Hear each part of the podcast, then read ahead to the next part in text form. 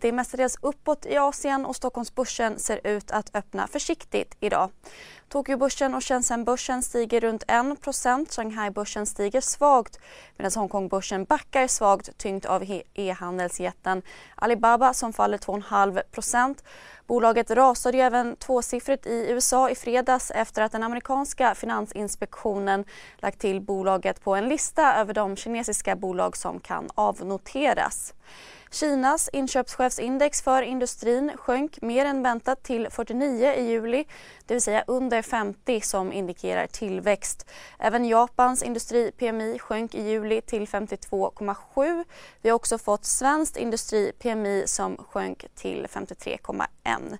I Sydkorea steg exporten som väntat 9,4 i juli medan importen ökade något mindre än väntat med 21,8 i fredags stängde USA-börserna på plus för tredje dagen i rad och avslutade därmed månaden klart uppåt. S&P 500 steg 1,5% och Nasdaq närmare 2% Den amerikanska tioåringen stiger några punkter och noteras nu i omkring 2,67 Igår meddelade Fed-chefen i Minneapolis att det inte finns någon risk för en lönespiral i nuläget eftersom inflationstakten ökar snabbare än lönetakten. Bland bolagen rusade e-handelsjätten Amazon drygt 10% efter en stark rapport som överträffade analytikernas förväntningar. Chiptillverkaren Intel däremot backade 8,5% efter att ha redovisat vi är specialister på det vi gör, precis som du. Därför försäkrar vi på Swedea bara småföretag, som ditt. För oss är små företag alltid större än stora och vår företagsförsäkring anpassar sig helt efter firmans förutsättningar. Gå in på swedea.se företag och jämför själv. Sämre resultat och omsättning än väntat. Bland övriga utländska bolag har brittiska banken HSBC redovisat en vinstökning på 62% i årstakt. Nettoresultatet landade på runt 5,5 miljarder dollar i kvartalet. Så Sverige där bettingbolaget Kindred inleder ett nytt aktieåterköpsprogram.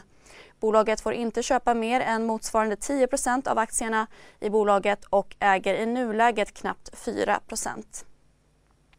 Orion Energy, tidigare Lundin Energy, har lagt ett bud på First North-listade Slite Vind på 125 kronor per aktie vilket motsvarar en premie om drygt 20% från fredagens stängningskurs. Verkstadsbolaget Nederman har förvärvat Robovent, ett amerikanskt bolag verksamt inom luftreningsteknik för omkring 430 miljoner kronor. Förvärvet väntas ge en positiv effekt på bolagets vinst per aktie. Det lilla bioteknikbolaget Biovika har fått FDA-godkännande för ett hjälpmedel vid bröstcancerpatienters sjukdomsutveckling. Bolaget siktar på att göra produkten tillgänglig för patienter i USA innan årsskiftet. Idag rapporterar investmentbolaget Industrivärden sitt substansvärde. Sist uppgick substansvärdet till 253 kronor per aktie vilket innebar en rabatt på drygt 12 procent. Nu väntas en ökning på cirka 20 kronor. Vi får även ytterligare inköpschefsindex för industrin från både euroområdet och USA. Missa inte heller nyheter igen klockan 10 och klockan 13.